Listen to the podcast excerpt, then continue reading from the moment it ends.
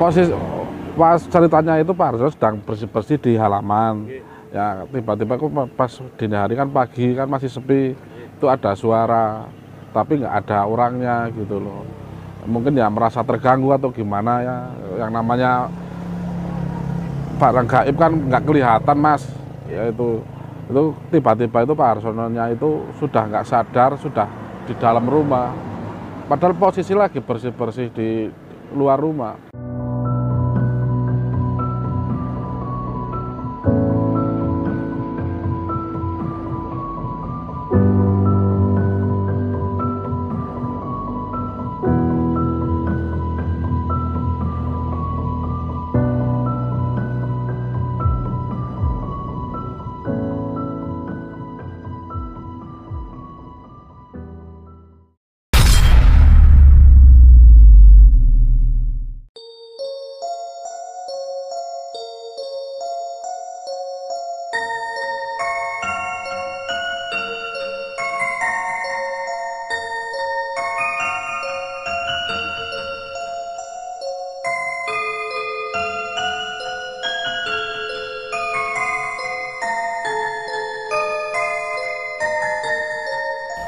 Halo Sobat Javanika di mana pun kalian berada Assalamualaikum warahmatullahi wabarakatuh. Salam rahayu, rahayu, rahayu.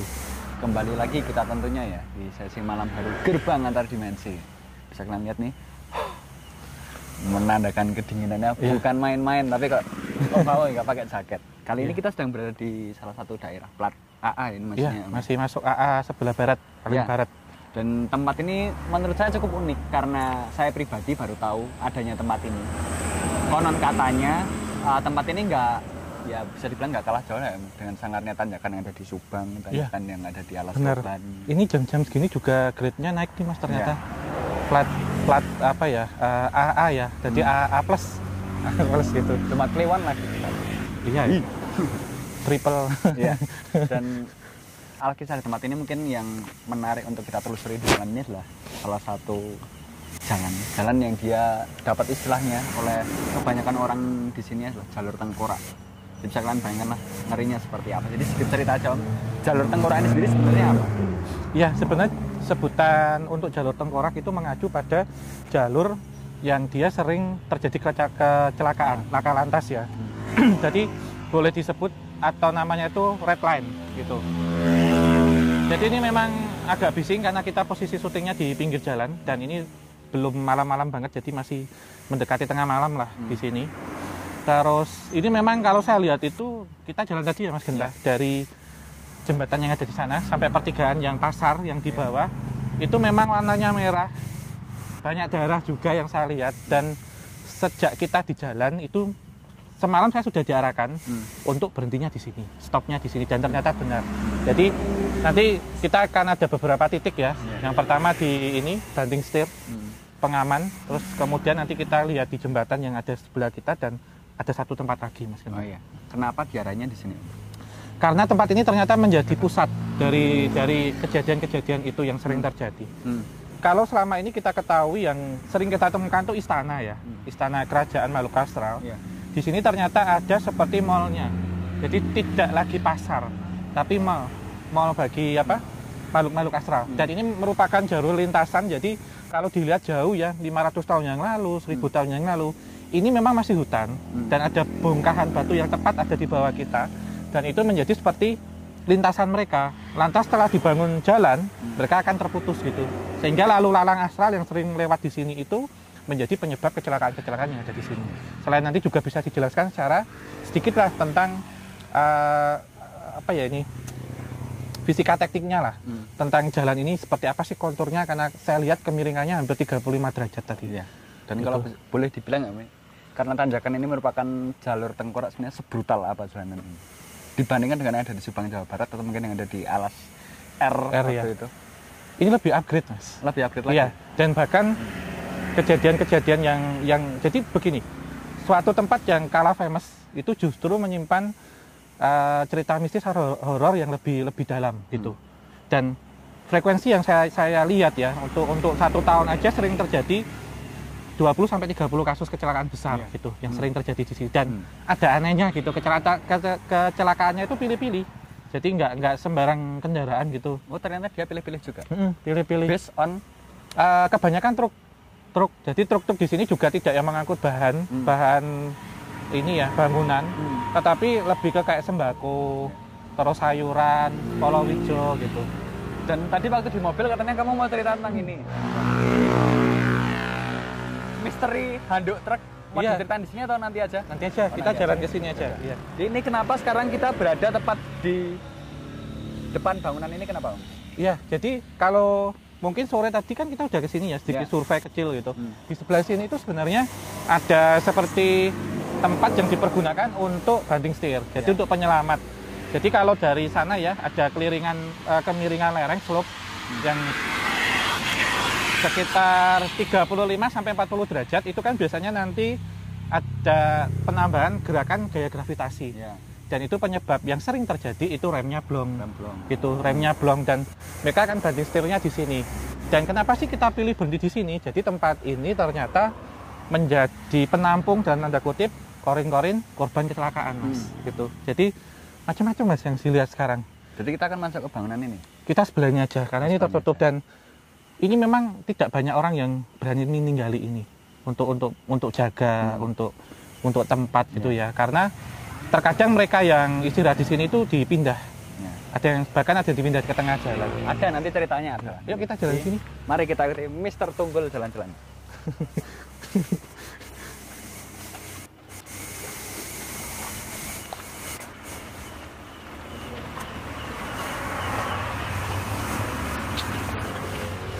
Gimana? Oh ya udah, yang penting ini genap.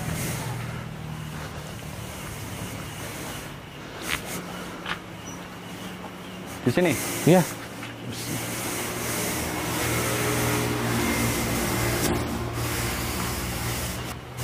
Oke, Om langsung aja kita ke the point. Ada suara gemercik air di belakang sana. Apa yang ada di sini secara kacamata metafisiknya? Mas. Ya. Nah, karena ini agak berbeda ya Hmm. dari dari kita datang. Hmm. Jadi ini seperti di alas roban. Jadi saya minta itu tuh kan makin kenceng tuh. Hmm. Jadi saya minta tadi eh, menunjukkan eksistensinya. Tuh mas persis mas. Tuh loh mas. Yang Ya. satu itu hanya satu aja.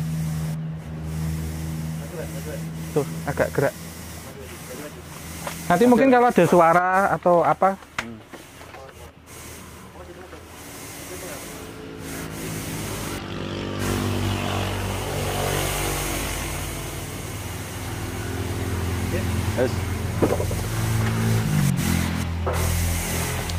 Uh, sebenarnya ada ada cerita sejarah ya. Ini berkaitan juga dengan kerajaan Mataram mas yang lewat sini itu seperti apa. Cuman kalau posisi kita di, sekarang di sini di belakang kita ini sebenarnya ada aneka ragam mas penampakan dalam artian uh, wujudnya itu lebih seperti korban-korban kecelakaan dan kebanyakan kalau saya lihat maaf kalau saya menceritakan karena memang di, di, Ya. di, diinformasikan beberapa driver driver truk tapi sini pakai anduk. Iya itu Hmm. jadi memang ada satu pantangan yang disampaikan. Jadi aki-aki yang ada di sini itu ada kaitannya nanti sama spot yang ada di sana.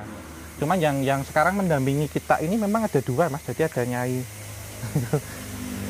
ada nyai Sukini sama Mbak Polowijo gitu.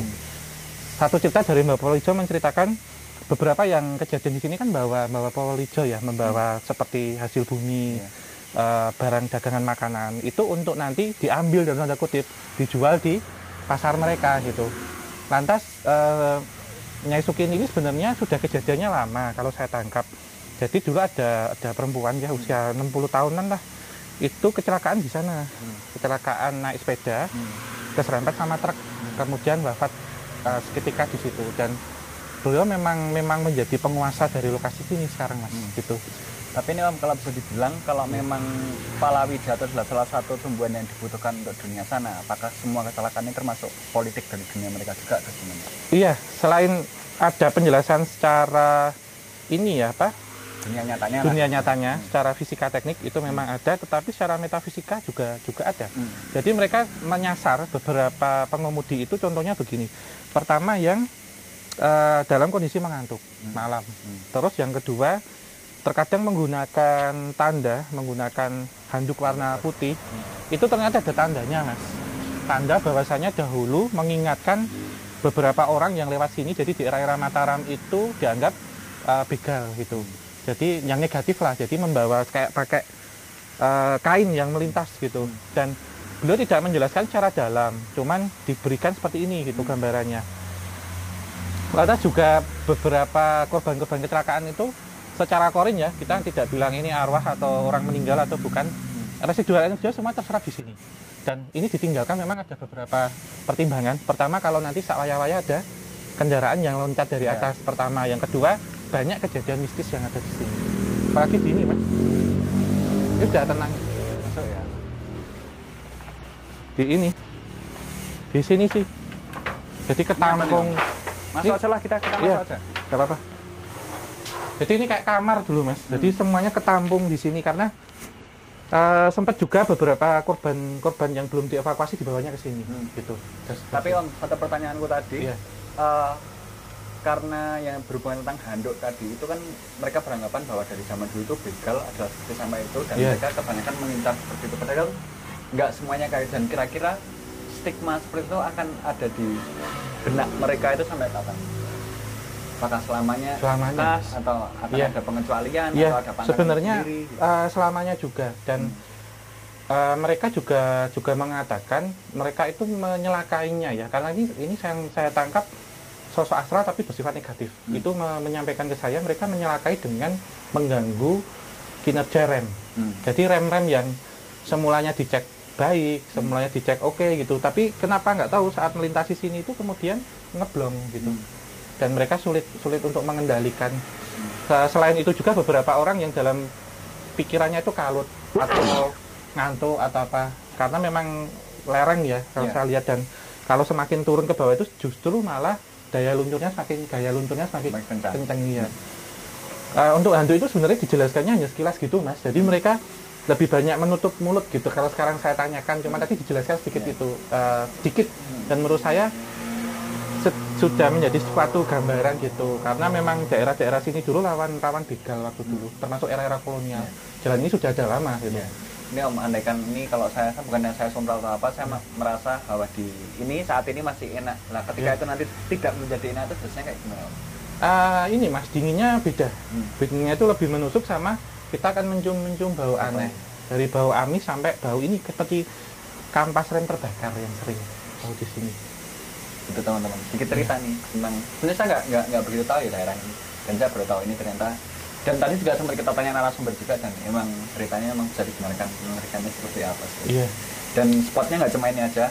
Mungkin nanti kita akan jalan ke nggak tahu pohon. Jadi, Jadi, jadi nanti kita akan ke jembatan sama satunya itu pohon Nah, dekat sumber mata air yang itu pusat dari semuanya sebenarnya hmm. aktivitas metafisika yang ada di sekitar sini. ya sedikit pengantar aja teman-teman semuanya mungkin yang sedikit gambaran globalnya yang ada di kejadian ini kita ceritakan di sini mungkin untuk lebih lanjut lagi langsung aja kita menuju Central Parknya Iya. Kita ke sana ya. teman